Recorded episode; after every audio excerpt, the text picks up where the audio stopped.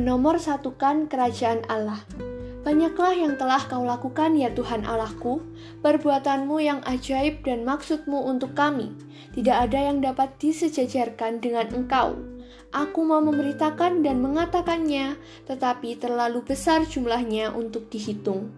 Mazmur 40 ayat 6 Daud, seorang yang mengalami berkat dan kesuksesan dalam hidupnya. Ia adalah orang yang menempatkan Tuhan lebih dari segalanya. Tidak heran, Daud berhasil di berbagai bidang. Sukses sebagai gembala, peperangan, pemasmur, pemain kecapi, dan sukses sebagai raja Israel. Untuk meraih sukses tanpa ekses, mari menomor satukan Tuhan. Utamakanlah Tuhan, maka segala berkat akan dicurahkan. Kerajaan Allah ada di antara orang yang mencari Tuhan, beribadah kepada Tuhan. Sebab kerajaan Allah bukanlah soal makanan dan minuman, tetapi soal kebenaran, damai sejahtera, dan sukacita oleh Roh Kudus. Roma 14 ayat 17.